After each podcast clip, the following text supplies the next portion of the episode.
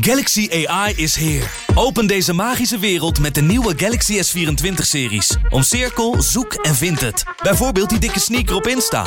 Of omcirkel een foto van een gerecht en vind meteen het recept. Op zoek naar wat liefde over de grens? Met ChatAssist als tolk is jouw liefde grenzeloos. Maak vlijmscherpe foto's en bewerk ze als een pro. Met Photo Assist verwijder je al het ongewenst uit je foto... zoals lelijke reflecties of je ex. Bestel de Galaxy S24-series nu op samsung.com. Ze maken een minutieuze inspectie van 380 vierkante mijl over land en zee, inclusief de Atlantische Oceaan, het Caribisch gebied, delen van de Golf van Mexico en Florida en haar naburige eilanden. Maar je raadt het al, Helemaal niks. helemaal niks. Hoewel Palo Mayambe en Santeria het verbieden, gelooft Adolfo dat door zijn ketel te voeden met menselijke offers, het de krachtigste Nganga zou worden die er bestaat. Door de ketel voortdurend te voeden met levende menselijke resten, zal de magische ketel nog meer bescherming bieden dan wanneer er alleen botten van skeletten wordt gebruikt. En hoe komt hij daar dan aan?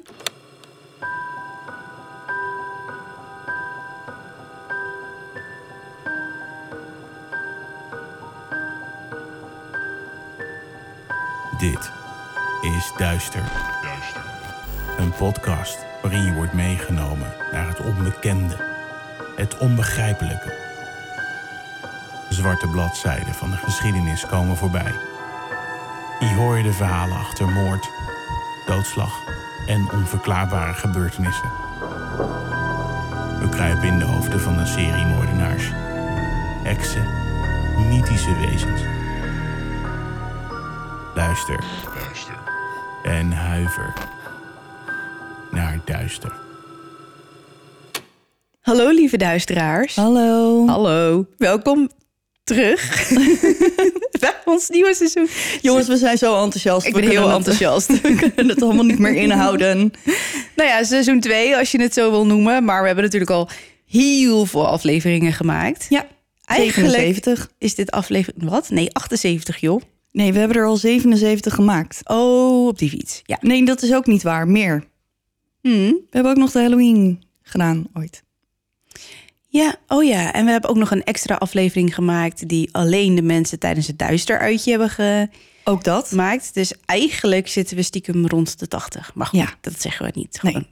Maar ontzettend welkom. Leuk dat iedereen weer luistert. We weten dat velen van jullie met smart hebben zitten wachten. En we hebben de afgelopen tijd meerdere keren mensen gehad die hebben gezegd: Jongens, ik luister nu voor de derde keer. Ja, het wordt nu wel echt tijd dat jullie Wanneer terugkomen. komen jullie terug? Ja, Nou, het is wel echt toewijding, maar vandaag is het zover.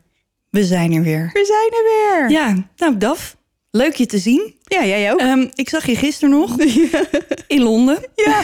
En in de trein terug. ja. Ehm, en de meeste mensen die ons volgen op social media weten dat wij een weekendje weg zijn geweest. En niet zomaar een weekend. We hadden een missie. We hadden een hele grote missie. Ja, maar voor nu verklappen we nog niks. Maar uiteindelijk wordt het allemaal duidelijk. Ja, dat komt helemaal goed. En er komen heel veel leuke dingen aan. En ik moet zeggen, ik heb er ontzettend veel zin in. En ik kan niet wachten om alles met jullie te delen. Kunnen we niet een klein, klein dingetje vertellen wat we in Londen hebben gedaan? Een klein tipje? Van mijn heksenhoed. Oh, nou dan Ja. is dat gelijk het tipje. Van de heksenhoed. Maar goed, jongens, we hebben nog een nieuwtje. Ehm, dit seizoen openen we onze postbus. Ja, dat houdt in dat jij als duisteraar ons post kunt sturen. En het maakt niet uit wat het is. Een kaartje, een brief, een knutselwerk, een tekening...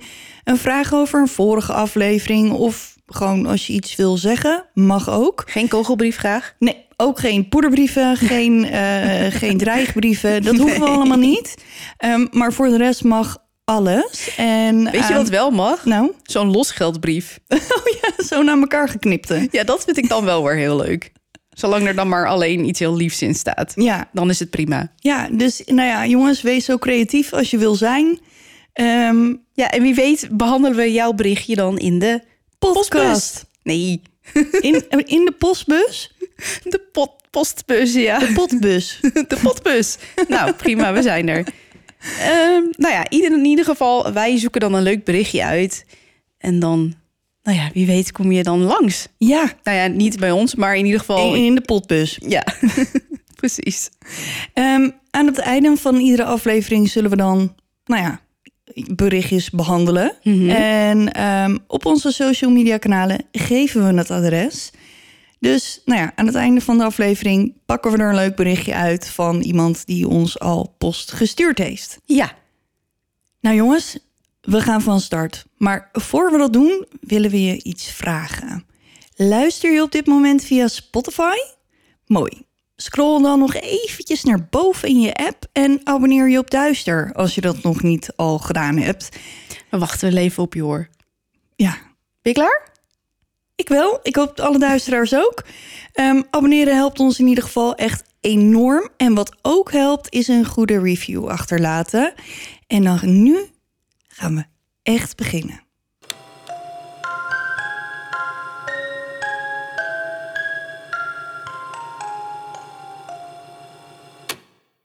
Goed, nieuw seizoen, een nieuwe aflevering. Eh, een van de meest mysterieuze plaatsen op de wereld is misschien wel de...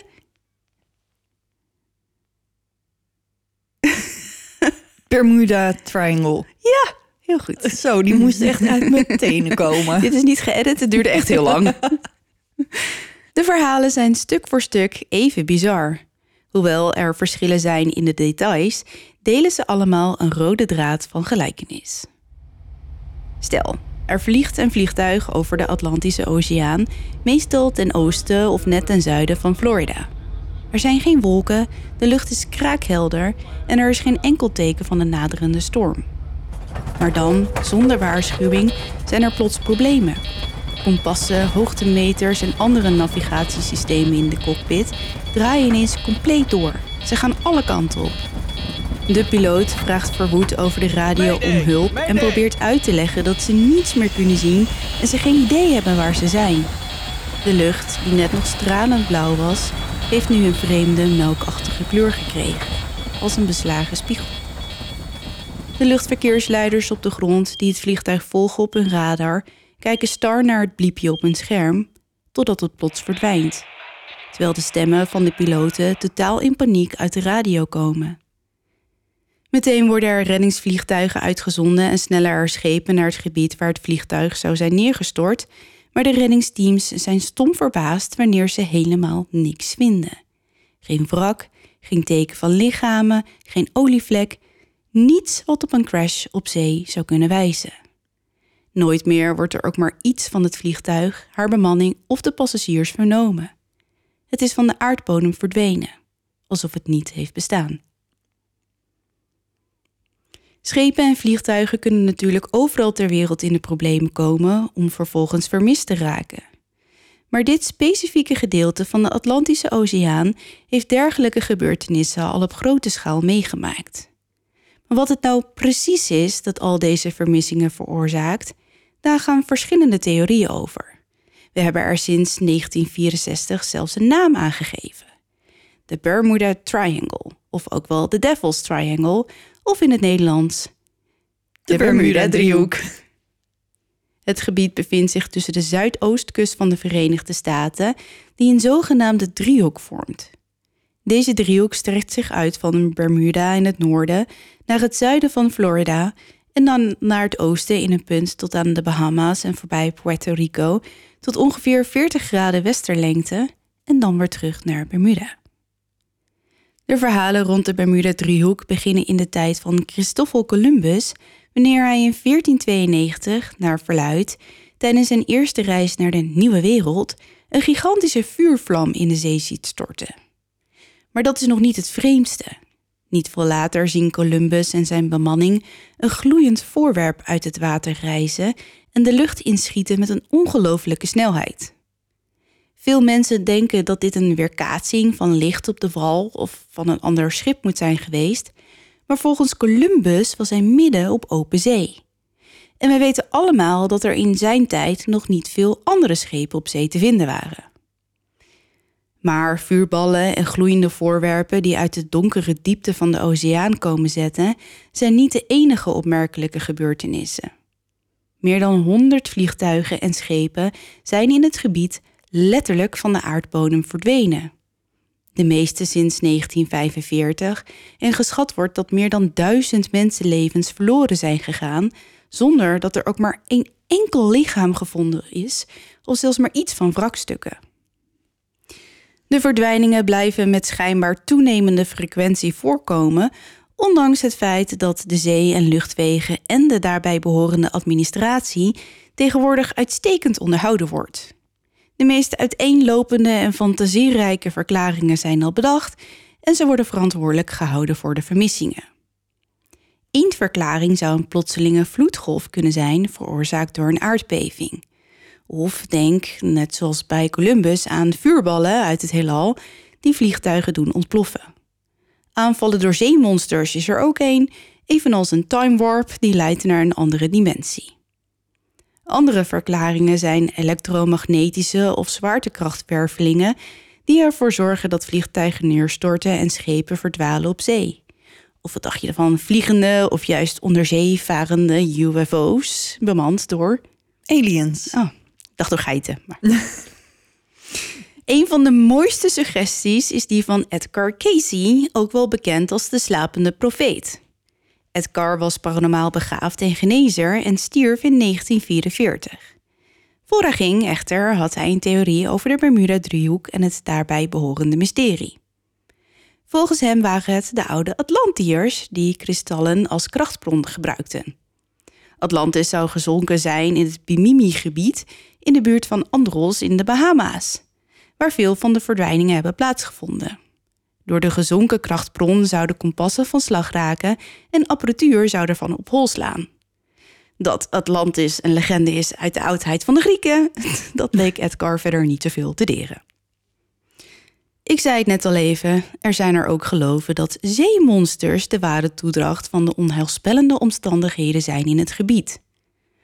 Ondanks wetenschappers al veel over de oceaan geleerd hebben, blijven de diepste delen van de zee veelal onontdekt. En toch duiken er telkens nieuwe diersoorten op, sommige zelfs waarvan men dacht dat ze niet meer bestonden. De uitgestorven koelakant bijvoorbeeld, een prehistorische vis met residuen van ledematen, bleek springlevend te zijn in de Indische Oceaan in 1938. Deze vierpotige blauwbaars leefde ongeveer 66 miljoen jaar geleden. Het enige exemplaar in die tijd, voordat het dier levend werd gevonden, was een fossiel, daterend van 18 miljoen jaar geleden. Zo, dus dan heeft hij zeg maar van 66 miljoen jaar geleden tot 18 miljoen jaar geleden geleefd. En toen was hij voetzie. Ja. En toen vonden ze dat fossiel. Mhm. En toen heel en- lang niet. En toen heel lang niet. En toen was hij er ineens En toen troffen ze hem levend aan. Wauw. Het is best wel. Het is, je zou denken dat het echt een enorme vis is, maar het valt wel mee. Oké. Het is wel waard om hem even te googlen. Een koelakant? Een koelakant Oké. met TH op het einde. Oké. Een andere optie is de reuzeninktvis. De grootte van deze reuzeninktvissen kan worden afgelezen door de rug van enkele walvissen eens goed te bekijken, waar zuignapsporen van tentakels op te vinden zijn, een resultaat van een titanenstrijd in de diepte. Maar ja, zou een reusachtige inktvis echt in staat zijn om een schip te laten zinken? En hoe komen die vliegtuigen dan naar beneden? Ja, met hele lange tentakels. Heel lang. Heel lang. Misschien is er nog een andere verklaring: de natuur. De meest plotselinge en gewelddadige stormen komen slechts op twee plaatsen ter wereld voor: de orkanen van het Caribisch en westelijk Atlantisch gebied en de tyfoons in de Zuid-Chinese zee. Soms ontstaan er zomaar op een kalmoogende zee extreem sterke seismische golven die plotseling van wel zo'n 30 meter hoog met tientallen kilometers per uur over de zee razen. Er wordt aangenomen dat deze golven afkomstig zijn van aardverschuivingen onder water of onopgemerkte aardbevingen aan land. Nu we wat meer weten waar de Bermuda-driehoek zich bevindt en waarom het gebied zo gevaarlijk kan zijn, zal ik wat meer vertellen over enkele opvallende gebeurtenissen. Zo is er de opmerkelijke verdwijning van een complete vloot vliegtuigen. Misschien beter bekend als Vlucht 19. Kort na twee uur, op 5 december 1945, vertrekken vijf TBM Avenger torpedobommenwerpers van het US Naval Air Station Fort Lauderdale in Florida voor een routine navigatie-trainingsvlucht onder leiding van luitenant Charles Taylor. Zo, dat was een mond vol. Mhm.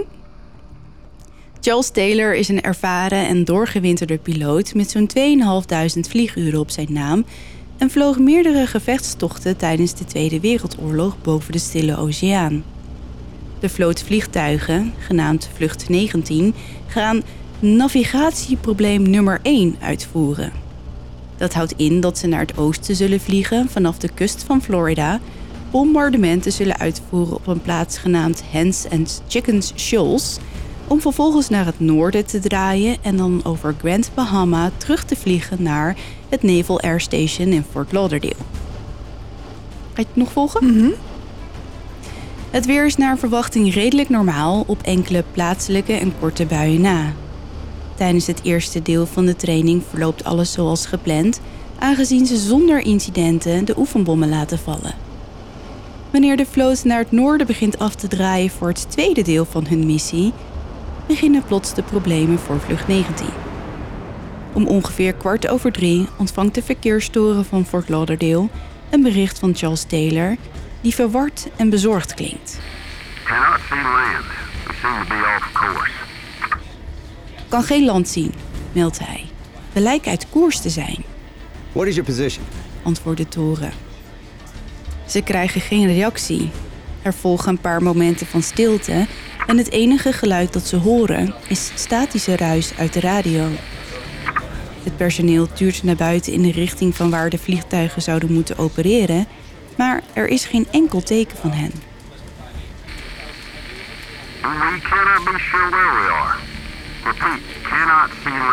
We weten niet zeker waar we zijn, klinkt plots de stem van Charles weer. Ik herhaal, kan geen land zien. Try flying west. Probeer naar het westen te vliegen, geeft de toren aan. Maar daarna blijft het weer stil. Het contact is zo'n 10 minuten verbroken, maar wanneer er geluid uit de radio komt, is het niet de stem van Charles. We can't find west. I can't tell where we are. Everything is... Can't make out anything. Even the ocean looks off. Kunnen het westen niet vinden. Alles is verkeerd. We hebben geen idee waar we naartoe gaan. Het ziet er zo vreemd uit hier. Zelfs de oceaan, meldt de onbekende stem.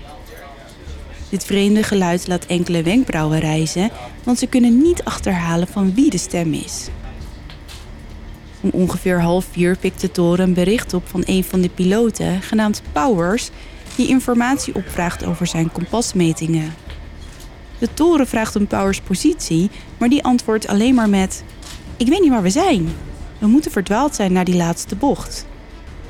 Opnieuw wordt er contact gezocht met Charles Taylor, die ditmaal meteen antwoordt met.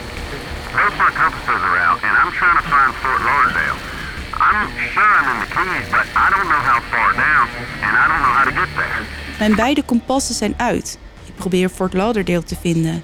Ik weet zeker dat we bij de Florida Keys in de buurt zijn, maar ik weet niet wat mijn positie is.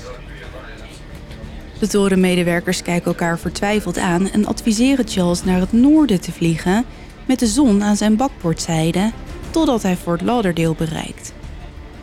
Maar even later, alsof het bericht naar het noorden te vliegen totaal niet is aangekomen, komt er weer een bericht binnen. We zijn net een klein eiland gepasseerd. Geen ander land in zicht. Na deze laatste melding wordt het steeds moeilijker om contact te krijgen. Blijkbaar kan vlucht 19 geen berichten meer van de toren horen, maar de toren kan wel flarden van gesprekken tussen de vliegtuigen oppikken. Er wordt gesproken over uitgevallen kompassen en op hol geslagen hoogtemeters, ernstige brandstoftekorten en wazig zicht. Het is een zenuwslopende situatie en gedurende al die tijd kan de toren in Fort Lauderdale geen contact maken met de vijf vliegtuigen. Ondertussen verspreidt het nieuws dat vlucht 19 in nood is terechtgekomen zich als een lopend vuurtje. Allerlei soorten veronderstellingen over vijandelijke aanvallen, hoewel de Tweede Wereldoorlog al enkele maanden voorbij is, doen zich voor terwijl het reddingsteam zich ondertussen klaarmaakt om te vertrekken. Om vier uur hoort de toren plotseling dat luitenant Charles Taylor onverwacht het commando over heeft gedragen aan een ander, namelijk de marinepiloot kapitein Stiever. Hoewel moeilijk verstaanbaar door ruis op de lijn, is de boodschap duidelijk. Railroad Railroad. We believe we're 220 miles southwest of base. We must have flown over it and ended up in the Gulf of Mexico. We weten niet waar we zijn. We denken dat we 360 kilometer ten zuidwesten van de basis zijn. We moeten er overheen gevlogen zijn en in de Golf van Mexico beland zijn. Kapitein Stiever besluit om 180 graden te draaien in de hoop terug te vliegen over Florida. Maar terwijl ze de bocht maken, begint de transmissie zwakker te worden, wat erop wijst dat de vliegtuigen een verkeerde afslag hebben genomen in juist naar het oosten vliegen. Weg van de kust naar open zee. Er klinkt nog een laatste, haast onhoorbaar bericht. We zijn helemaal verdwaald. Enkele minuten na het opstijgen van het reddingsvliegtuig onder leiding van luitenant Kom ontvangt de toren melding dat er een enorm harde wind staat boven de 6000 voet, wat de vlucht uitermate bemoeilijkt. Dit is echter het laatste bericht van luitenant Kom. Kort daarna krijgen alle eenheden een urgentiemelding waarin staat dat er nu zes vliegtuigen vermist zijn in plaats van vijf. Het reddingsvliegtuig met 13 bemanningsleden aan boord is nu ook verdwenen. Van de zes vliegtuigen wordt nooit meer wat vernomen. De oorspronkelijke zoekactie, gestart op de dag van de verdwijning, wordt uiteindelijk opgeschort vanwege duisternis, hoewel enkele schepen van de kustwacht blijven zoeken. De volgende ochtend wordt er wederom een enorme zoekactie opgetuigd bij het aanbreken van de dag.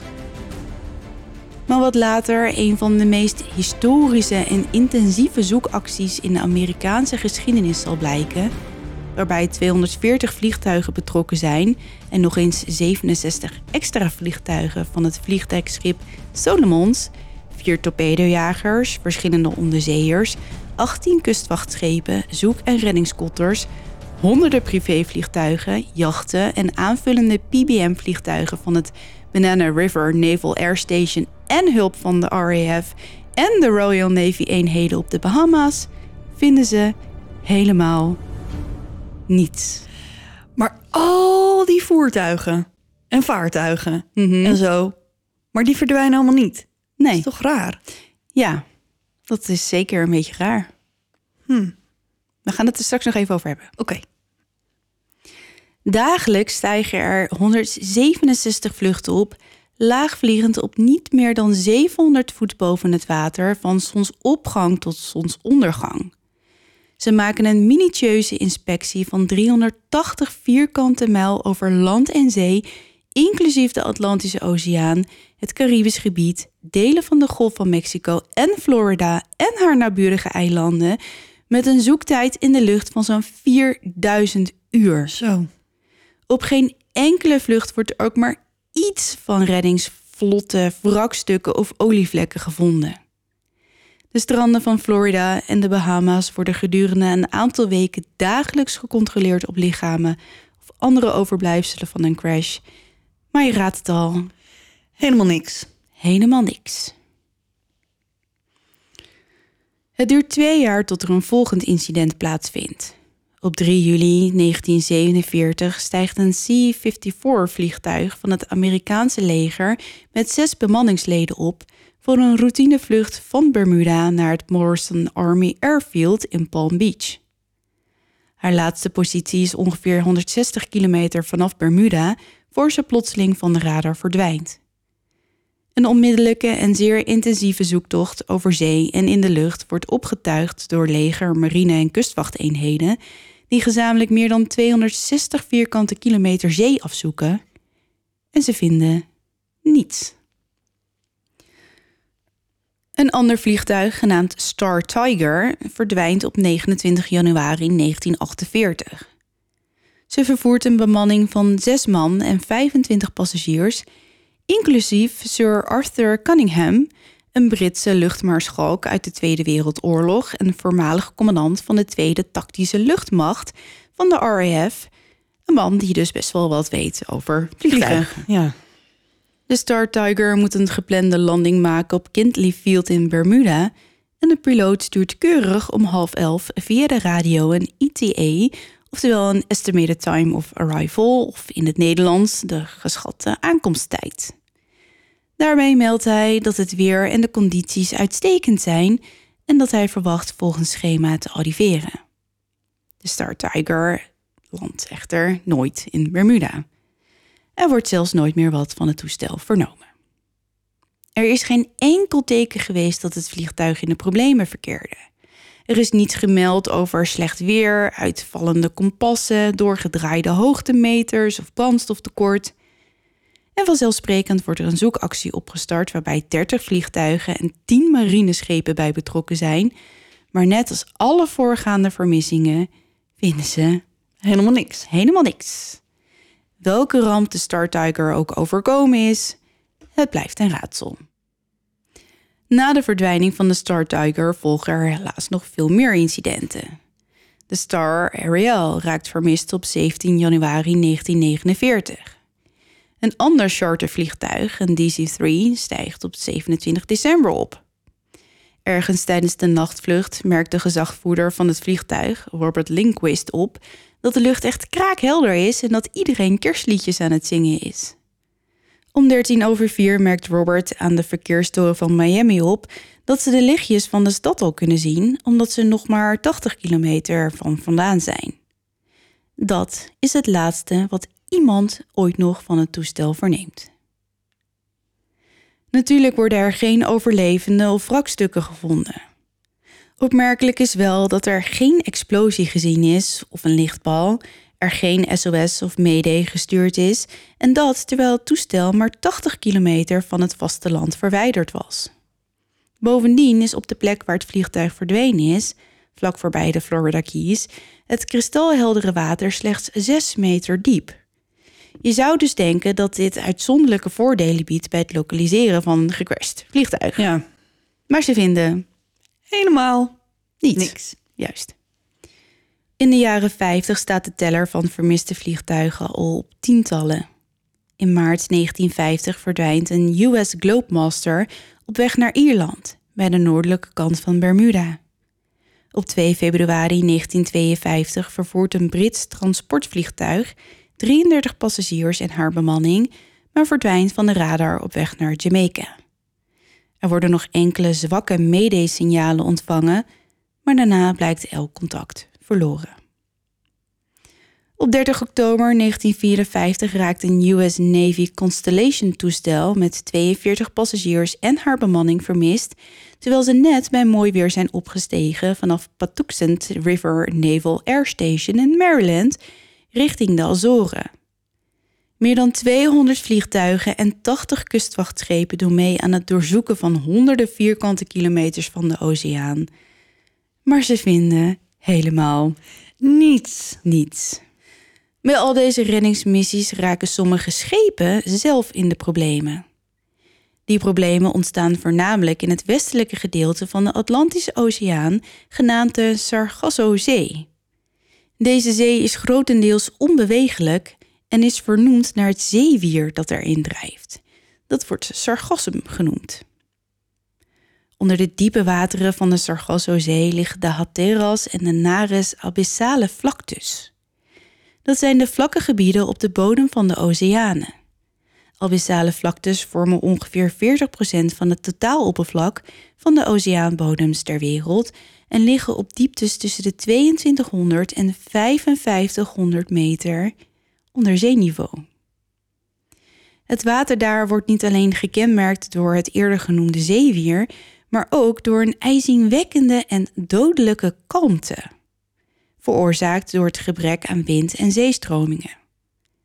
Door het vele verlies van schepen heeft het gebied de bijnaam de Sea of Lost Ships, of soms ook wel de Sea of Fear, gekregen. Een oude zeemanslegende vertelt over een groot kerkhof in de Atlantische Oceaan met daarin schepen uit allerlei tijdperken, gevangen in enorme velden van zeewier, langzaam rottend, maar nog steeds bemand door hun bemanningsleden, of beter gezegd, de skeletten van de bemanningsleden. In dit gebied van de dood kun je veel gezonken schepen vinden. Jachten, oude walvisvaarders, klippers, brigantijnen en om het verhaal nog beter te maken, Spaanse, Portugese en zelfs Hollandse schatgiljoenen. Allemaal gedoemd om eeuwenlang te rotten in een roerloze zee. Maar wat maakt die zee nou zo dodelijk? Oké, er bestaat zoiets als een schip dat in het Engels gezegd becalmed is. En ik kon niet zo goed een Nederlandse term daarvoor vinden, maar becalmed betekent zoiets als een schip dat tot totale stilstand is gekomen. En dan op open zee. Het houdt in dat het schip in een aanhoudende periode van kalm weer terecht is gekomen, waardoor het eigenlijk niet meer verder kan. Een kalme zee klinkt niet per se dodelijk, maar kan dat wel degelijk zijn. Wanneer het drinkwater aan boord opraakt, evenals het voedsel, dan kan de situatie rap een erbarmelijke wending aannemen. Er zijn verhalen bekend over zeelui die verlaten piratenschepen midden op zee aantroffen, verstrikt in het zeewier dat al door de kieren kwam groeien, als een vreemd groen mos over de rottende lichamen van de bemanning beneden deks. Maar lang nadat piraterij op zee niet langer een winstgevende manier van leven blijkt, blijven er schepen in dit gebied zomaar verdwijnen. Net zoals bij de vermiste vliegtuigen zijn er ook hier geen scheepswrakken, lichamen of andere overblijfselen te vinden. Veel van deze geregistreerde verdwijningen betreffen schepen uit de marinevloot van de Verenigde Staten. Zo is er het bekende verhaal van de USS Cyclops, die verdwijnt in maart 1918.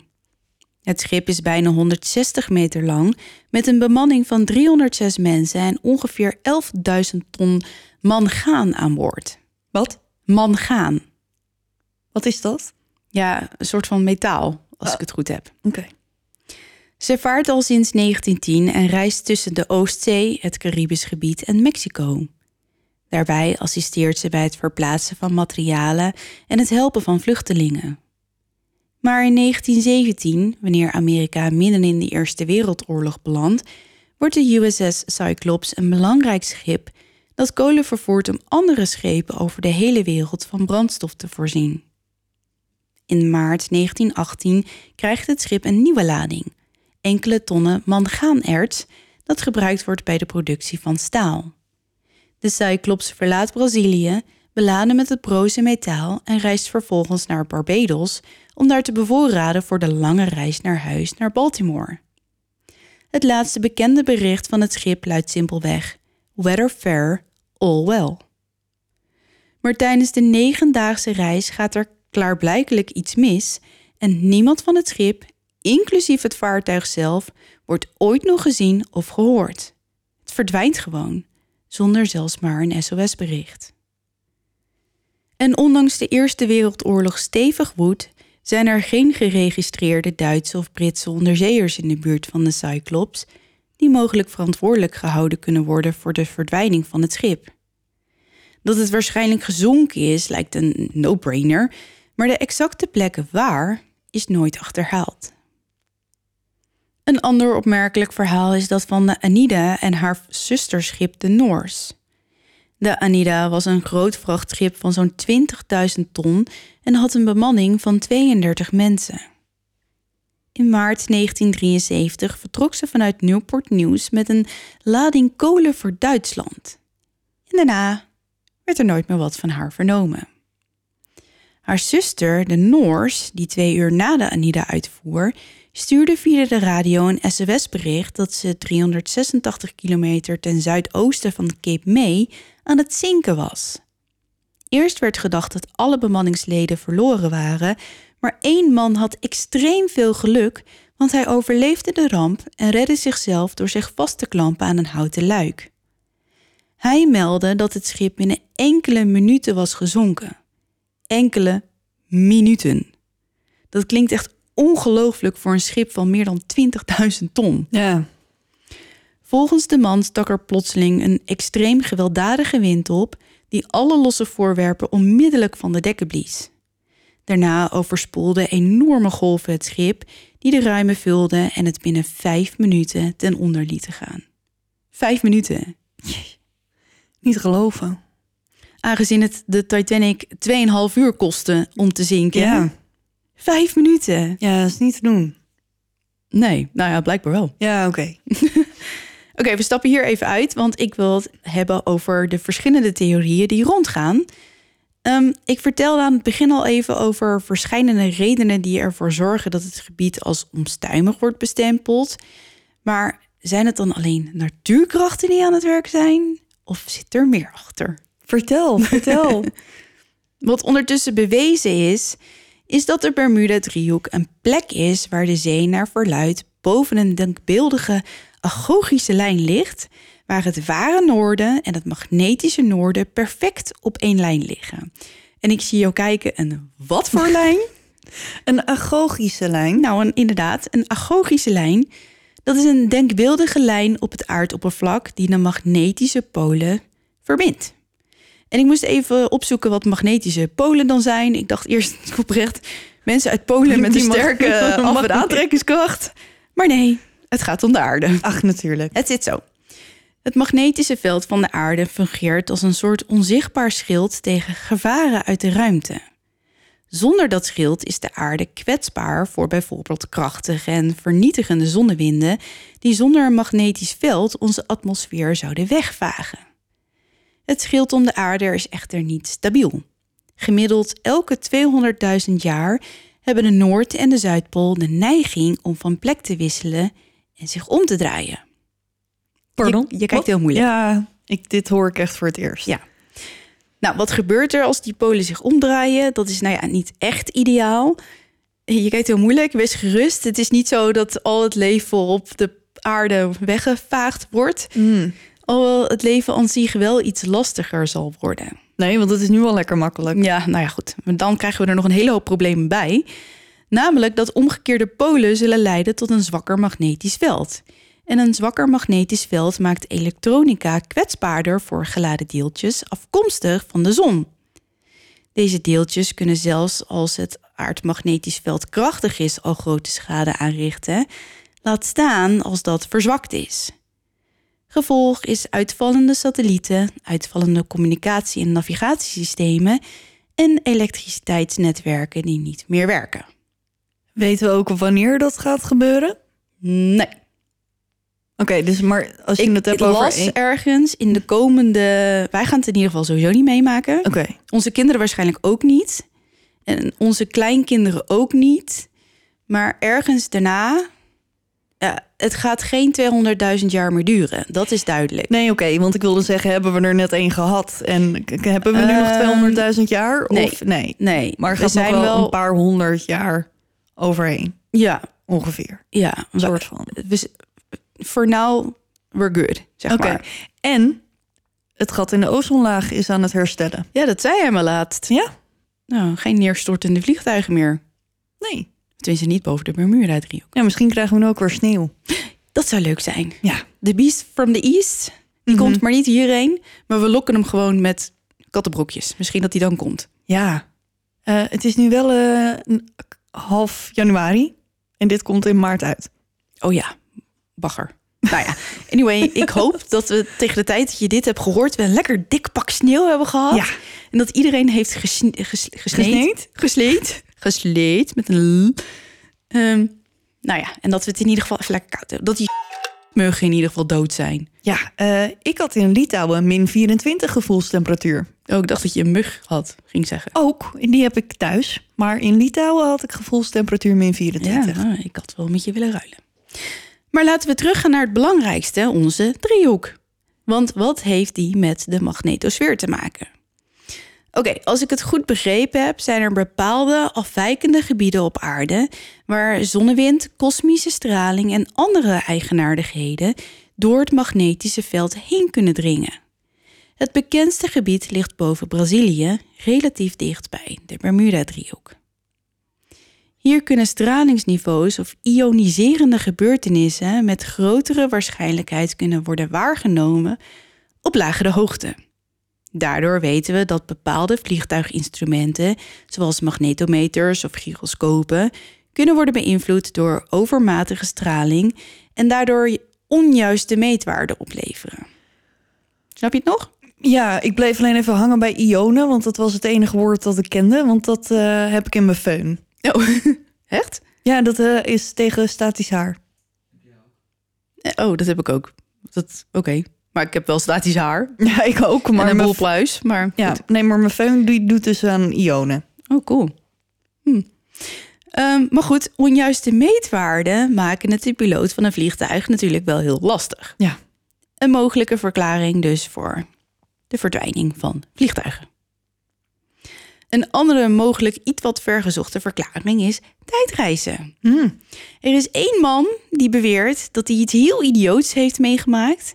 En zijn naam is Bruce Gernon. En dit is zijn verhaal.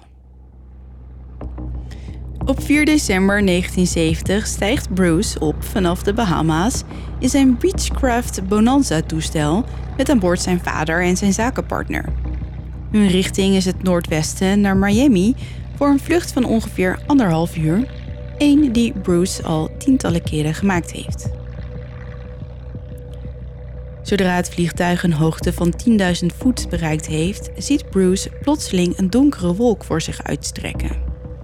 Terwijl ze het naderen, wordt de wolk met een minuut gigantischer. Gevaarlijke bliksemschichten schieten door de lucht. Bruce slaagt erin de wolk te doorkruisen en er doorheen te vliegen. Opgelucht haalt hij adem, maar het gevaar is nog niet geweken. Terwijl het vliegtuig 11.000 voet bereikt, ziet Bruce voor de tweede maal een enorme donderwolk. De piloot heeft geen andere keus dan er weer doorheen te vliegen. Behoedzaam manoeuvreert Bruce zijn toestel de wolk in. Een dikke zware mist omhult het vliegtuig volledig en de omgeving is nu pikdonker, hoewel de lucht vlak daarvoor nog helder was en er geen regen of onweer voorspeld is. Bruce weet niet waarom hij getuige is van de ene zwarte wolk naar de andere. Ondanks dat blijft hij kalm, maar dat wordt een stuk lastiger wanneer hij ineens een ontzettend felle lichtstraal ziet. Hij weet meteen dat dit geen bliksem is, want dit licht houdt aan en verblindt hem zowat. Hij houdt zijn handen voor zijn ogen terwijl zijn toestel met honderden kilometers per uur door de atmosfeer raast. Aan de wolk lijkt geen einde te komen. Tot zijn verbazing ziet hij plotseling in de verte een klein rondje blauw en iets wat lijkt op een onbewolkte hemel. Bruce houdt zijn vliegtuig recht, maar wijzigt zijn koers richting het kleine puntje. Maar terwijl hij dat doet, wordt hij abrupt getuige van een sinistere situatie. Het puntje in de wolk komt niet dichterbij, maar lijkt met een seconde juist verder weg en het lijkt wel alsof ze door een soort wolkentunnel vliegen. Ineens geven zijn instrumenten stuk voor stuk de geest en lijkt het vliegtuig onbestuurbaar. Bruce kijkt geschokt naar zijn cockpit, maar heeft klaarblijkelijk niet langer de controle over zijn eigen toestel. Het lijkt nu te bewegen met behulp van een haast onnatuurlijke kracht.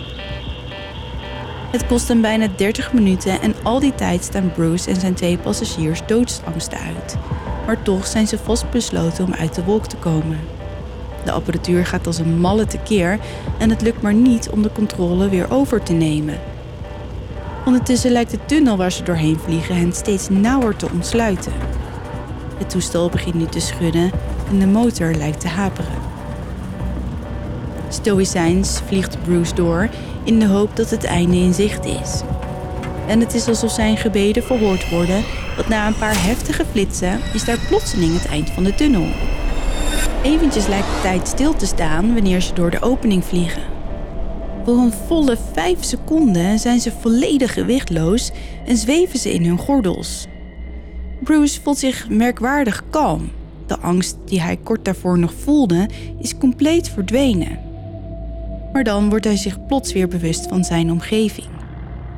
Hij kijkt naar zijn apparatuur en tot zijn verbazing werkt alles weer. Meteen pakt hij de radio en zoekt contact met de verkeersleiding in Miami.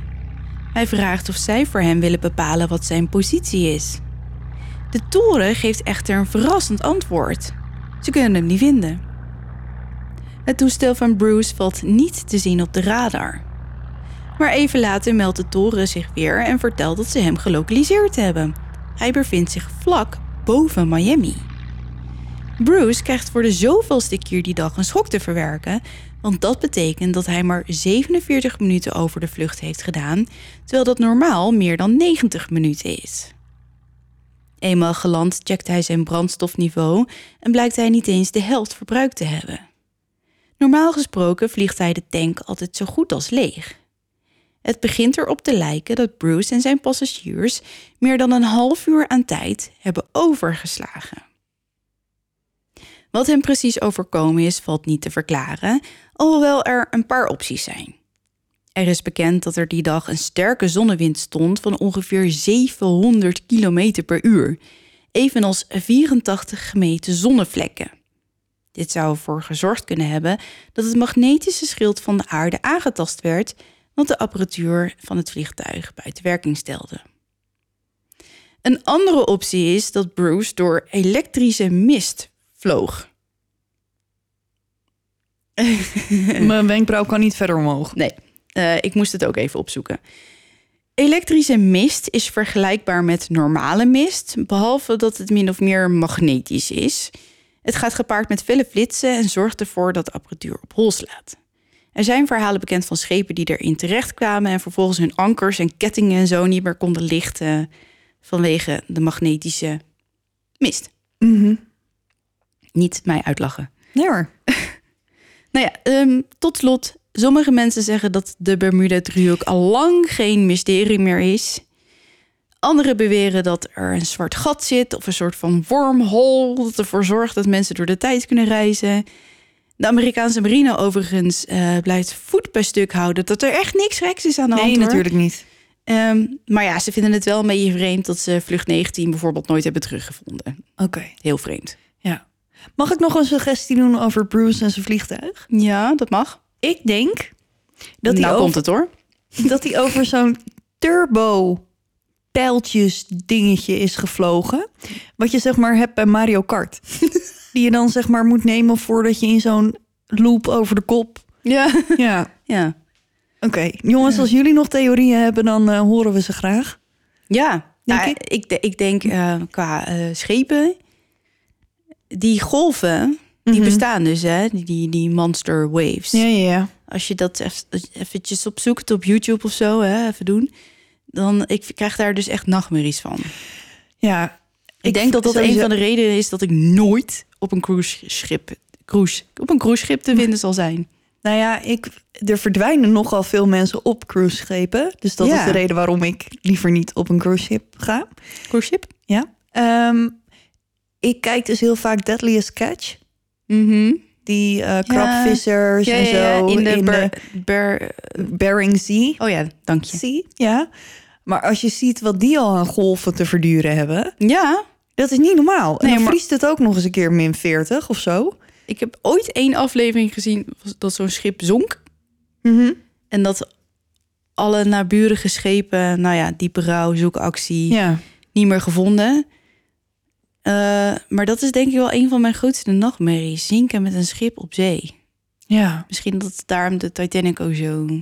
Mhm. Daar zit natuurlijk nog de Grand Grandeur en de eerste reis... en het feit dat het allemaal misging en zo, daar Ja. nog achter. Maar nee, mij vind je niet op open zee. Nou ja, zijn nog wel eens met de boot naar Engeland geweest. Mm, ja, Ik heb wel eens een keer op zo'n ferry vastgezeten... dat het zo erg waaide dat we gewoon een beetje ronddobberden. het spook zit te lachen. Hoezo? Ferry vast. Ik zat ferry vast, ja. Goed. Ehm, nou, was leuk. Zal ik maar gewoon beginnen? Want Dat is goed hoor. het niveau wordt er niet hoger op.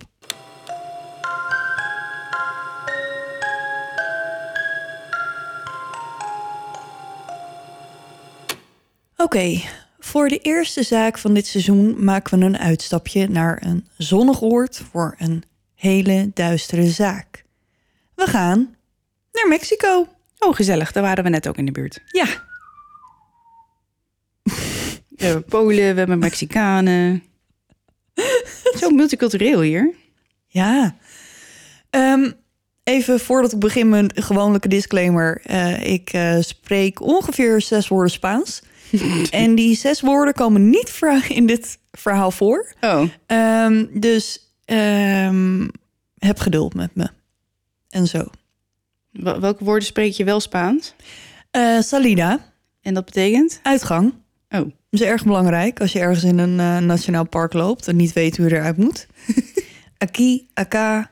ehm, nou, dan heb ik er al drie. Si, is vier. Goed. Adolfo de Jesus Constanzo wordt geboren op 1 november 1962 in Miami, Florida. Nou zeg. Ja. Zijn moeder, Delia Aurora González de Valle, is pas 15 jaar oud en een Cubaanse immigrante. Oei, dat is wel jong. Ja. Delia krijgt uiteindelijk drie kinderen van drie verschillende vaders. Ze is een aanhanger van Santeria, een Afro-Cubaanse religie. Santeria staat bekend om zijn rituelen, zoals het inwijdingsritueel van het reinigen van het hoofd van een nieuw lid met kruiden en water. Artefacten zoals poppen, gekleurde armbanden, kettingen en ijzeren gereedschap om hen te beschermen tegen het kwaad zijn essentieel voor de aanhangers van de religie. Santeria gelooft in één oppergod, Olofi. Olofi is de derde manifestatie van God. Oh? Hij is degene die het meest rechtstreeks met de Orika's communiceert en hen leert wat de mensen moeten weten om een gezond, moreel en respectvol leven op aarde te leiden. De Orika's, die een soort hoofdgoden zijn, treden op als tussenpersonen tussen de mensen en God. Zij waken over de mensen en rapporteren onze daden aan Olofi.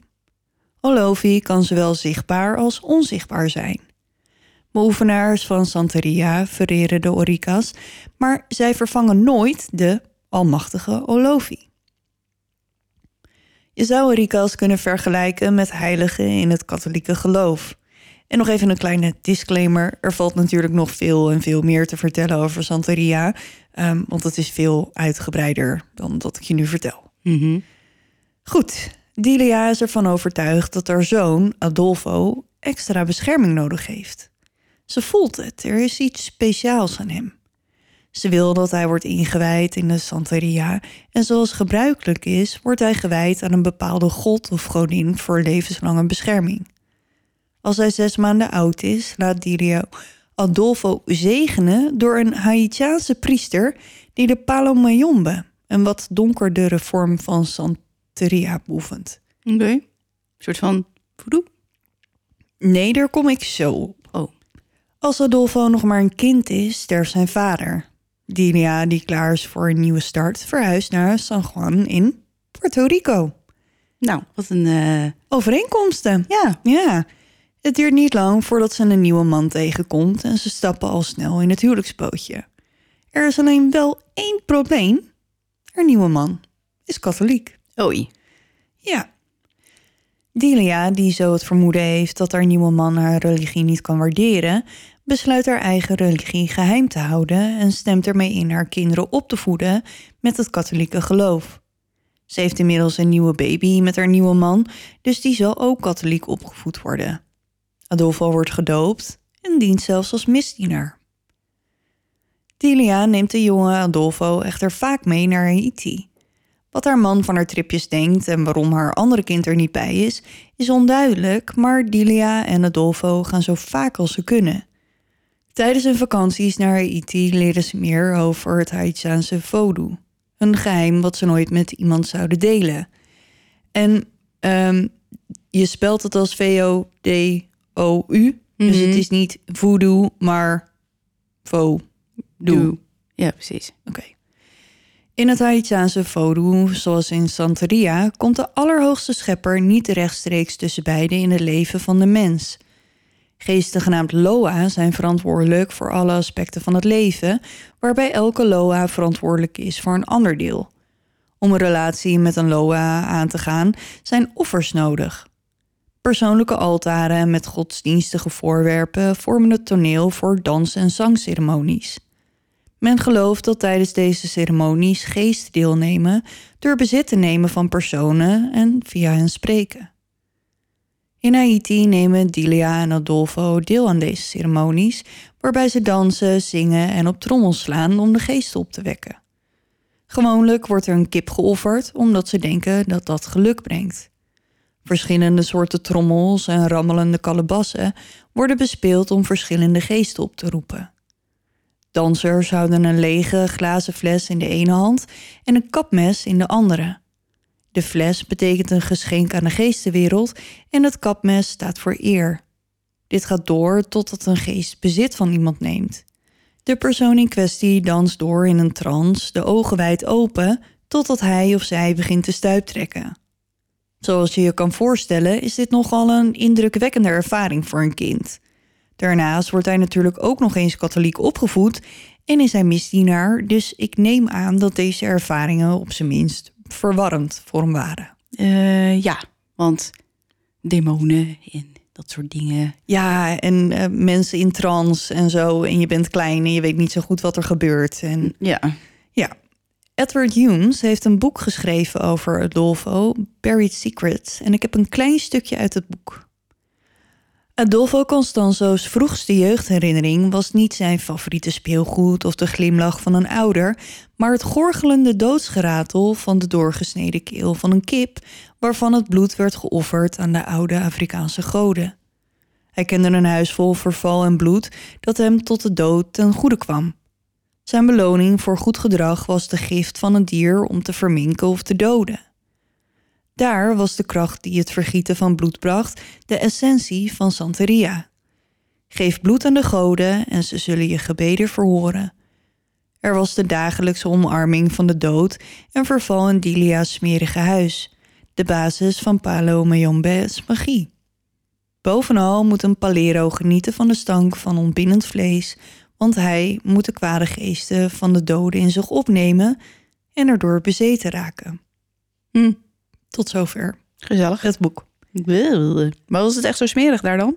Blijkbaar wel, ja. Ja, Oh, ik trek een heel vies gezicht. ja. Als Adolfo tien is, in 1972, keert de familie terug naar Miami. Niet lang na een terugkeer overlijdt zijn stiefvader. Hij laat Delia wat geld na waar ze een tijdje comfortabel van kunnen leven. Nu zijn stiefvader niet meer is, laten ze het katholieke geloof vallen en leven openlijk verder als volgelingen van Vodou. In Little Havana, waar ze wonen, wordt gezegd dat Delia een heks is. Ze is niet iemand die je kwaad wil maken, want dan staat je wat te wachten. Wacht even, het is 19, zo hoeveel 70? Ja. Doe even normaal, toch? Nou ja, laat me even uitpraten. Buren vinden naar verluid onthoofde geiten of kippen op hun stoep als ze ruzie hebben met Delia. Ja, maar ja, oké. Nou, niet heel prettig, maar dat hoort toch bij dat geloof? Ja, maar ik snap goed. dat je als eh, room, eh, vroom, eh, vroom gelovig persoon dat misschien een beetje intimiderend vindt. Ja, ja, dat hoort er nou helemaal bij. ja, maar ik op je stoep. Dus als jij hier de deur open doet 's ochtends en er ligt een dode geit zonder hoofd op je stoep, vind je dat normaal? Nee, ik vind dat niet normaal. Maar ja, dat hoort wel bij haar geloof. Nee. Nee, dat offeren en zo, dat doet ze maar lekker in haar eigen huis. Dat hoort bij haar geloof. Dus wat ze doet bij de buren, dat is volgens mij niet echt onderdeel Nee, van eh, de rituelen. Dus. Al snel vindt ze een nieuwe echtgenoot en deze keer past haar nieuwe man precies bij haar levensstijl. Hij is een plaatselijke drugsdealer en ze hebben dezelfde geloofsovertuiging. Hij vertelt Adolfo over zijn persoonlijke filosofieën, die op dat moment een tiener is. Adolfo. Zo zegt hij bijvoorbeeld over zijn leven als drugsdealer: Laten ongelovigen zichzelf doden met drugs. Wij zullen profiteren van hun dwaasheid. Wel. Ja. Als puber gaat Adolfo in de leer bij een plaatselijke priester die Palomayon bevolgt. Hij wil leren hoe hij van zijn religie kan leven. Net als bij de Haitiaanse Vodou is een onderdeel van Palomayombe het offeren van dieren. Dit is niets nieuws voor Adolfo, aangezien hij al van jongs af aangewend is om dieren te doden. Overigens ben ik het daar niet zo mee eens. Nee. Dat is toch niet zo nodig? Nee, maar ja, dat is dus blijkbaar al. Hoort bij dat geloof. Maar ehm, Ik verklap het maar alvast. Het wordt nog erger. Een groot onderdeel van Palo Mayombe is een gietijzeren ketel, een ganga genaamd. In deze ketel worden offers gebracht om een geest te bevrijden en magische krachten te verschaffen. Palo betekent stok in het Spaans. En stokken, die gaan in de ketel samen met andere ingrediënten. Tijdens het ritueel stopt de priester 21 stokken, allemaal van verschillende bomen, in de ketel. Daarna snijdt hij zichzelf en laat het bloed in de ketel druipen voordat hij een offer brengt. Een ander krachtig ingrediënt in elke nganga zijn menselijke beenderen. In opdracht van de priester begint Adolfo graven in Miami te roven om de ketel van botten te voorzien. Adolfo is charismatisch en aantrekkelijk en de jonge tovenaar maakt al snel indruk op zijn mede-paleros. Paleros zijn de volgelingen van Palomayambe. Hij kan met de doden praten en de toekomst voorspellen. In 1981 beweert Delia dat Adolfo de aanslag op Ronald Reagan heeft voorspeld. Mm, Oké. Ja, Adolfo is niet echt een typische puber. Delia en hij worden een paar keer gearresteerd voor kleine vergrijpen zoals diefstal en vandalisme en hij wordt van school gestuurd. Rond deze tijd begint hij naar gaybars te gaan. Hij is jong, aantrekkelijk en charmant en dat maakt hem populair bij zowel mannen als vrouwen. Hij is biseksueel en probeert dat ook nooit te verbergen. In 1983 doet hij iets wat hem het gevoel geeft dat hij zijn lot vervulde, als hij zichzelf aan Kari Pembe belooft, zeg maar de Satan van zijn religie. Oh. Daarna is het alleen maar een logisch vervolg dat hij priester wordt binnen het geloof. Ja, maar voor de goede of de slechte rikken? De slechterikken, dus de Kari en Pembe, de Satan. Oké. Als hij 21 is, reist hij af naar Mexico City voor een modellenopdracht. Eenmaal daar heeft hij het zo naar zijn zin dat hij besluit een tijdje te blijven. Hij woont in La Zona Rosa, oftewel de roze zone, bekend om zijn kleurrijke LGBTQ gemeenschap. In het begin van de jaren 80 is het hier een drukte van belang met veel kroegen, restaurants en chique winkels. Deze plek is perfect voor Adolfo. Hij begint met het leggen van tarotkaarten en doet aan waarzeggerij. Hij heeft geen enkele moeite om aan klanten te komen, maar hier stopt hij niet. Nee, hij spreekt ook spreuken voor geluk uit, iets wat zeer lucratief is. Ook voert hij reinigingsrituelen uit voor mensen die denken dat ze vervloekt zijn door hun vijanden. Adolfo weet het allemaal goed te verkopen met zijn charismatische persoonlijkheid. Als mensen zijn rituele kamer verlaten, voelen ze zich fantastisch, verkwikt en gereinigd. Het nieuws over deze knappe jonge man met magische krachten verspreidt zich als een lopend vuurtje door de stad en al snel komen er meer volgelingen. Maar we zitten in de jaren tachtig. Ja, Maar, eh, sorry, maar dat... Nee, maar dat... Maar oké. Ja. sorry, maar ik vind het een beetje moeilijk te geloven. ja. Ja. Een helderziende, genaamd Martin Cantana, intrigeert Adolfo en hij verleidt hem. Binnen een jaar trekken Martin en een andere volgeling, tevens minnaar, Omar Orea bij Adolfo in. Hij noemt Martin zijn man en Omar zijn vrouw. Oké. Adolfo doet het zo goed dat hij heel snel rijke en beroemdheden tot zijn klanten mag rekenen. Echt iedereen wil een sessie met hem boeken. Modellen, acteurs, dokters en een rijke vastgoedmagnaat brengen hem regelmatig een bezoek. Hij bedient niet alleen de rijken en beroemdheden, hij heeft ook veel machtige klanten, waaronder hoge politieambtenaren. Adolfo wil graag doorbreken in de wereld van de drugskartels, waarvan er nog heel veel zijn in Mexico, want daar zit het echt grote geld. Hij heeft natuurlijk bij zijn stiefvader gezien hoe dat leven eruit ziet, en dat lijkt hem wel wat. Hij manipuleert zijn klanten die bij de politie werken om hem voor te stellen aan de leiders van de drugskartels, en zodra dat gebeurd is, is hij om. Dit is het. Dit is waar hij wil zijn. Hij zweert dat zijn magische krachten kartels en hun drugsrunners niet alleen onzichtbaar voor de politie zal maken, maar ook kogelwerend. Mm, Oké. Ze kunnen op ze schieten, maar de kogels zullen hen niet raken. De meeste runners zijn eenvoudige mannen. Ze zijn bijgelovig en groeien op met het geloof in broegeria, hekserij. Ze vallen zonder achterdocht voor Adolfo en zijn magische spreuken. Dit is allemaal niet goedkoop. Adolfo loopt binnen. Hij heeft ongeveer 30 vaste klanten, waarvan sommigen soms wel 4500 dollar betalen voor een sessie met de tovenaar. Hij houdt al zijn transacties bij in een dagboek samen met alle rituelen die hij uitvoert. Uit dit dagboek blijkt dat een van zijn klanten hem 40.000 dollar heeft betaald voor drie jaar magische consulten. Als de drugsmaronnen en een huurmoordenaars langskomen voor zuiveringen, haalt Adolfo alles uit de kast. Hij weet dat ze genieten van het geweld waarmee de offers geslacht worden en voert rituelen uit waarbij allerlei soorten dieren worden gedood, zoals slangen en kippen. De prijzen voor de verschillende dieren variëren.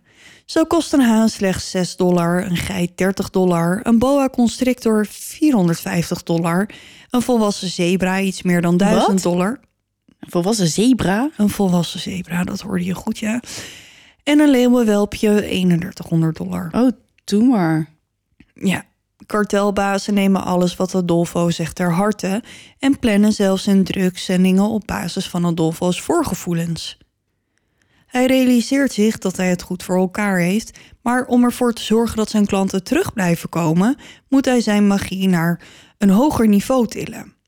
Hij besluit met zijn eigen Nganga te beginnen, de ketel gevuld met offers. In 1985 neemt hij drie volgelingen mee naar een kerkhof waar ze menselijke resten opgraven om de ketel te voeden. Dit doen ze daarna vaker. Het is voor Adolfo een eitje om zijn volgelingen te laten doen wat hij wil. Ze geloven allemaal heilig dat hij hen kan beschermen, dus ze doen alles wat hij vraagt. Adolfo raakt steeds meer geobsedeerd door het idee van bescherming. Hij gelooft dat door het bouwen van een sterke Nganga hij alle energie van natuurlijke krachten kan manipuleren. Niet alleen natuurlijke krachten, maar ook de doden. Hoewel Palo Mayambe en Santeria het verbieden, gelooft Adolfo dat door zijn ketel te voeden met menselijke offers het de krachtigste Nganga zou worden die er bestaat. Door de ketel voortdurend te voeden met levende menselijke resten, zal de magische ketel nog meer bescherming bieden dan wanneer er alleen botten van skeletten wordt gebruikt. Levende menselijke resten? Ja, dus niet die al eh, vergaan zijn in een graf. Dus zeg maar verse menselijke resten. Oké. Dus die nog niet aangetast zijn door. En hoe komt hij daar dan aan? Nou, dat zal ik je vertellen. Rond deze tijd duiken er meer dan twintig verminkte lichamen op in Mexico City. Oh god, ja, nou, ik heb hem eh, door. Ja. De meeste slachtoffers zijn drugsrunners of sekswerkers, mensen die leven en werken aan de donkere kant van de samenleving. Sommige kent hij, het zijn leden van zijn eigen secte. De lichamen zijn duidelijk gemarteld. Oh, god, dat nog. Bij sommige lichamen zijn de organen verwijderd, bij andere ontbreken er ledematen. Adolfo gelooft dat het toevoegen van gemartelde lichamen aan zijn Nganga hun zielen zal opsluiten en hem, als de Palero, in staat zal stellen de zielen te gebruiken voor het kwaad tot het einde der tijden. Zijn volgelingen aanbidden hem als een god en hun loyaliteit kent geen grenzen. Hoogopgeleide mensen, gevaarlijke mannen, geloven allemaal dat hij hem beschermt met zijn spreuken. Ze noemen hem El Padrino, oftewel de Godfather. Dat klinkt wel iets stoerder dan peetvader, dus ik laat het maar zo. Oké. In 1986 wordt Adolfo geïntroduceerd bij een van Mexico's grootste drugskartels, het kartel van de Calzada-familie. Het Mexicaanse hoofd van Interpol in die tijd, Florentino Venture, regelt de ontmoeting. Wa- Wat? Je hoort het goed, het hoofd van de Mexicaanse Interpol regelt de ontmoeting tussen Adolfo en het kartel. Dus die is zo corrupt als een, eh, als een deurkruk. Nou, misschien wel, ja. Dat zou zomaar kunnen. Oké. Maar we gaan terug naar Adolfo en eh, de Calzada-familie. Adolfo wint de Calzada's snel voor zich met zijn spreuken voor bescherming en overvloed. Ze geloven hem en blijven hem bezoeken terwijl het geld binnenrolt. Minder dan een jaar nadat hij bij de familie betrokken raakt, kan hij een appartement van 60.000 dollar kopen in Mexico City. Dat is in vandaags geld 160.000 dollar. Nou, is niet mis. Nee. Hij houdt van luxe en rijdt in een van de duurste Mercedes'en op dat moment. Hij leeft op grote voet en naarmate zijn rijkdom en het vertrouwen in hem groeit, wordt hij steeds brutaler met zijn oplichtingspraktijken. Hij doet zich voor als een DEA-agent. En DEA staat voor Drug Enforcement Administration. En weet zo een cocaïnedealer in Guadalajara op te lichten, zijn drugs in beslag te nemen en de voorraad voor maar liefst 100.000 dollar te verkopen. Maar wacht, een, een cocaïne-dealer oplichten? Ja, want hij deed zich dus voor als agent. Jezus, Mina. En toen heeft hij dus dat geld, die drugs in beslag genomen en dat vervolgens gewoon zelf verkocht. Dat is best heel slim eigenlijk. Ja, Daar was ik niet opgekomen. nee, hij is niet dom. Nee, Nee, hoe graag we het ook zouden willen, maar Adolfo is niet dom. nee, Nee. dat blijkt. Adolfo is niet de enige die zijn zakken vult. De Calzada-familie neemt steeds grotere delen van de Latijns-Amerikaanse drugswereld over. Adolfo gelooft dat hun succes te danken is aan zijn magische spreuken. Hij speelt een cruciale rol in hun transportschema en denkt dat zonder zijn bescherming de politie hen al lang gepakt zou hebben. Hij benadert de familie Calzada en eist dat ze hem volwaardig zakenpartner van het kartel maken. De familie heeft hier absoluut geen interesse in en ze vertellen hem dat hij moet ophoepelen en snel een beetje.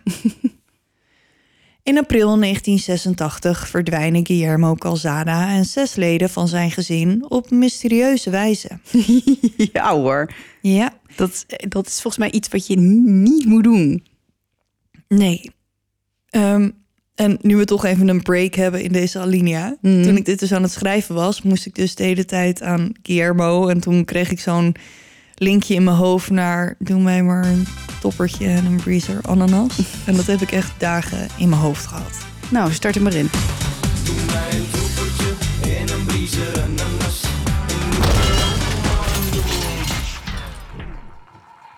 Anyway, als ze als vermist worden opgegeven, gaat de politie naar het huis van de familie voor onderzoek. In Guillermo's kantoor vinden ze resten van een religieuze ceremonie, gesmolten kaarsen en andere voorwerpen die verband houden met het beoefenen van Palomayombe. Na ongeveer een week begint de politie verminkte lichamen uit de Sumpago-rivier te vissen. Alle lichamen vertonen tekenen van marteling. Vingers, tenen, oren en zelfs genitaliën ontbreken. En dat is nog niet alles. Bij twee van de lichamen zijn de hersenen verwijderd en bij een andere is de ruggengraat uitgerukt. Al deze lichaamsdelen, en je raadt het misschien al, worden gebruikt om Adolfo's almachtige ketel te voeden. De politie heeft op dat moment geen idee waar ze mee te maken hebben en de moorden op de familie Calzada blijven jarenlang onopgelost. Adolfo heeft nog altijd de droom om zelf drugsbaron te worden.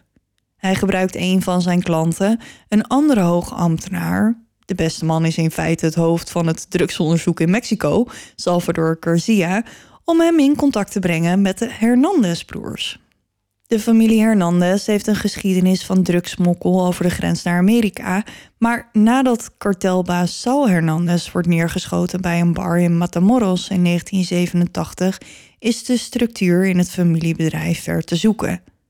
Adolfo wil onderdeel worden van het kartel en belooft de familie dat hij spreuken zal uitspreken die hen onzichtbaar zullen maken voor de politie. Ze zijn niet gelijk helemaal overtuigd, maar ze zeggen ook niet onmiddellijk nee. Rond deze tijd ontmoet hij een 22-jarige studente, Sara Maria Adrete Villarreal. Sarah is een opvallende, atletische blondine en ze is lang voor een vrouw, 1,82 meter. Weet je nog hoe lang eh, de gemiddelde Amerikaanse vrouw is? Ja, 1,62 of zo. Ja, wel klein. 1,63 of zo. Hm. Ze woont in Matamoros, een stad aan de grens met Amerika. Ondanks dat ze in Matamoros woont, studeert ze in Amerika. Ze gaat naar Texas Southmost College in Brownsville. De ontmoeting tussen Adolfo en Sarah is niet toevallig. De vriend van Sarah is op dat moment een bekende drugsmokkelaar uit Brownsville, maar een van de Hernandez-broers, Elio, is verliefd op haar. Hoe kan je nou een bekende drugsmokkelaar zijn? Dan word je toch de godganse tijd opgepakt?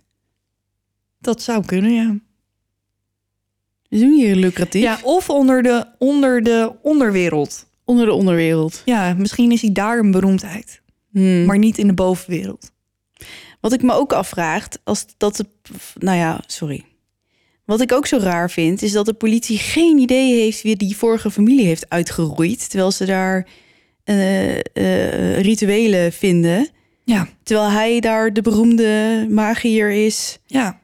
Je kan me niet voorstellen dat de politie met allemaal criminelen op hoge functies geen idee heeft wie Maar- dit heeft gedaan. Maar misschien zijn ze wel blij dat ze van die hele Calzada-familie af is. Ja, maar dan Zijn. moet je niet zeggen dat je een moord niet opgelost krijgt. Dan moet je gewoon zeggen, yo, ik ben een vakker en ik zit op mijn plek. Ja, een beetje eh, hoge functionaris te spelen, terwijl ik alles, onder het kleed schuif. ja, Ja, veeg. veeg. Dat vind ik stom. Ja. Ja. Nou, laten we hopen dat het allemaal... eh, Maar we verlies nog niet helemaal je hoop in de Mexicaanse politie, oké? Oké. Oké. Adolfo realiseert zich dat Sarah hem wel eens zou kunnen helpen om hem binnen te krijgen bij het Hernandez-kartel. Hij organiseert een schijnbaar toevallige ontmoeting. Het verhaal gaat dat hij met opzet op haar auto inreed in het centrum van Matamoros. Jezus, Mina. Met zijn magnetische charisma lokt hij haar zijn wereld binnen. Het begint met een paar tarotkaartlezingen. Ze raakt steeds meer door hem geboeid en hij gebruikt zijn macht over haar om haar te manipuleren. De twee worden geliefden en Adolfo vertelt haar vriend over hun affaire. De vriend zet een punt achter de relatie en Sarah en Adolfo zetten hun relatie voort. En dat overleeft ze. Ja. Het is me niet helemaal duidelijk wat dit met die Elio te maken heeft, zeg maar de Hernandez-broer. Want je zou toch zeggen dat hij er niet helemaal blij mee is dat Nee. Adolfo nu een relatie met haar heeft. Maar oké, misschien heeft hij een spreuk over hem uitgesproken. Adolfa? Adolfo. Adolfo. Ja. Ja. Ehm, Maakt niet uit. Nee, Adolfo. Ehm, de relatie houdt trouwens niet heel lang stand tussen Sarah en Adolfo. Maar ehm, hij is wel een tijdje verliefd op haar. Oké. Hoewel Adolfo biseksueel is, heeft hij toch liever mannen. Toch lijkt hij erg verliefd op Sarah en hij vindt dat ze een machtige bondgenoot in zijn secte kan zijn. Sarah begrijpt dit en hoewel ze niet zo close is met Martin of Omar, wijkt ze niet van zijn zijde. Integendeel, ze zit zo diep in zijn wereld dat ze een hoge priesteres binnen zijn secte wordt. Hij geeft haar de naam La Madrina, oftewel de Godmother. Sarah, die overdag bekend staat als een studente met hele goede cijfers, wordt s'nachts de heks van Matamoros. Het duurt niet lang voordat de Hernandez-broers ermee akkoord gaan om Adolfo in te lijven als een nieuwe leider. Eindelijk heeft hij alles waar hij ooit van gedroomd heeft: geld en macht. Hij vertrouwt Sarah en zij zorgt voor zijn volgelingen in Mexico als hij op een missie gaat om drugs over de grens naar Amerika te smokkelen. Sarah is verantwoordelijk voor het werven van nieuwe volgelingen. Ze lokt mannen met haar opvallende uiterlijk en vertelt hen over het magische genie Adolfo Constanzo. Potentiële nieuwe leden moeten de film The Believers uit 1987 steeds opnieuw kijken. Deze film gaat over een secte in New York die door het offeren van mensen meer geld en macht proberen te krijgen. In deze periode verhuist Adolfo naar een boerderij in de woestijn genaamd Rancho Santa Elena, zo'n 32 kilometer bij Matamoros vandaan. Op deze boerderij, die eigendom is van een van de Hernandez-broers, gaat Adolfo door met zijn sadistische rituelen. Hij vermoordt mensen en gebruikt ze als offers om zijn magische ketel te voeden. In een kleine hut op het terrein komen de leden van zijn secte samen en houden ceremonies die lijken op de ceremonies die kleine Adolfo meemaakte in Haiti. Er wordt veel alcohol gedronken, ze roken sigaren, martelen mensen en houden de Nganga tevreden. De meeste slachtoffers zijn rivaliserende drugsdealers, maar soms kruist een onbekende het pad van een van de secteleden om vervolgens nooit meer gezien te worden. Adolfo heeft allerlei soorten mensen nodig voor zijn magische spreuken. Als hij een spreuk wil doen om de ontvanger kracht te geven, zoeken ze een gespierde man, ontvoeren en vermoorden hem. Daarna geven ze zijn spieren aan de Nganga, zodat de ontvanger sterker zal worden. In mei 1988 schiet Adolfo een drugsdealer en een willekeurige boer dood, maar hij vindt dat offer niet goed genoeg voor zijn ketel. Ze hebben niet genoeg geleden voor een dood. Ze zijn tenslotte niet gemarteld, dus er moet iemand anders voor in de plaats komen. Tijdens een reis naar Mexico-stad ziet hij er persoonlijk op toe dat Ramon Esquivel gemarteld en ontleed wordt en gooit dat wat er van hem over is gewoon op straat.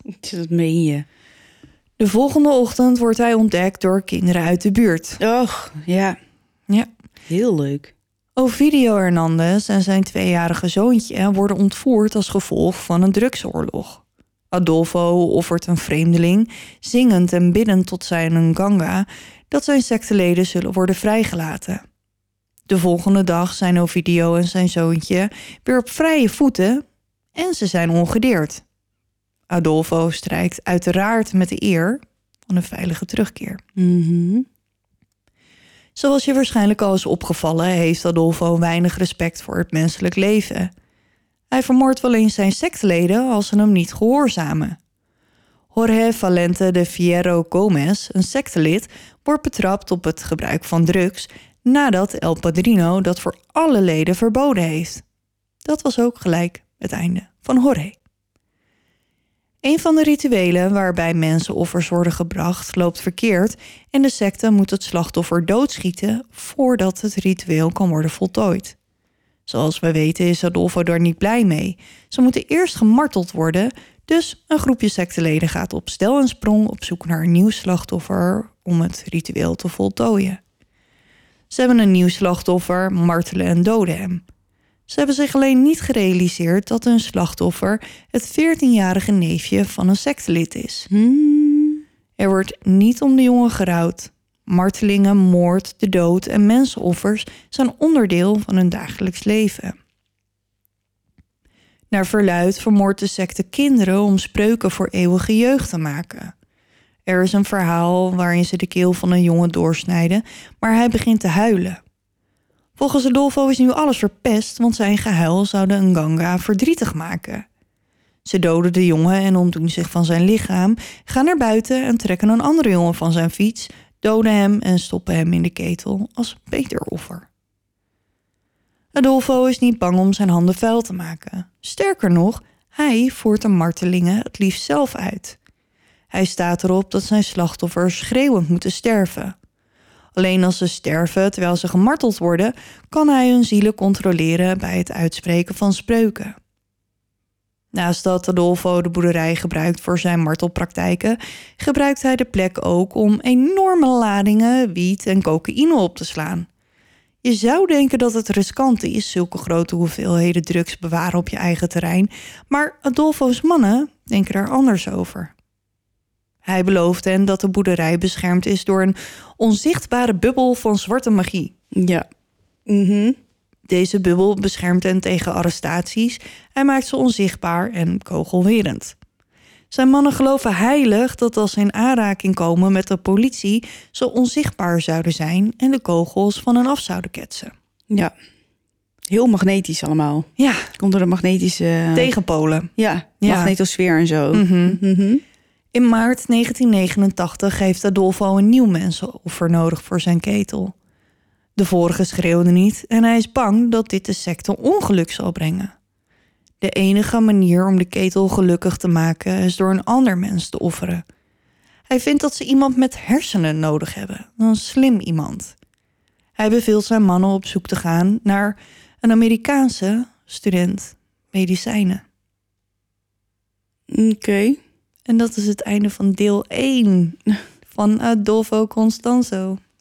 En dan vangen ze een studenten die toevallig een rijke papa heeft of zo? Dat zal je twee weken moeten wachten voordat je dat eh, te horen krijgt. Nou, ik eh, ben benieuwd. Ja, Hoeveel heeft die man vermoord? Dat kan je wel zeggen, toch? nee, Oh. verrassing. Het zijn er eh, veel. Ja, dat Ja. verbaast me niks. Ja, dus ik stapte een, beetje, een klein beetje in jouw straatje. Deze, met deze zaak. Ja. Met tovenaars en spreuken en magische ketels. Ehm, ja, en de omgekeerde polen. En omgekeerde polen. ja, het is... ehm, ik doe wel even een foto van hem in de nieuwsbrief. Doe maar even, ja. Maar het is dus oprecht best wel een knappe kerel. Wacht, ik ga hem eens even opzoeken. Adolfo Constanzo. Oh, ik heb hem hier. Oh, hij heeft wel een ontzettend jaren tachtig kapsel. Op zich is het ook allemaal in de jaren tachtig. Maar wacht, kijk ik naar een verfilming of kijk ik naar de echte? Laat eens zien. Nee, dat is hem echt. Hij is wel een kaaklijn. Mijn hemel, ja, daar ben jij van, hè? Ja, Van de kaaklijnen. ja. Ja, oké. het Ja, ondanks het achterlijke haar denk ik dat hij inderdaad niet lelijk is of zo. Nee, het is gewoon, denk wel objectief gezien, gewoon een knappe kerel om te zien. Ja, nou ja. Hij heeft een beetje Patrick Swayze haar. Ja, nou, maar ook de kaaklijn hoor. Ja, oh, ook de kaaklijn, ja. Ja, nee, ja, ik snap het. Ik snap het.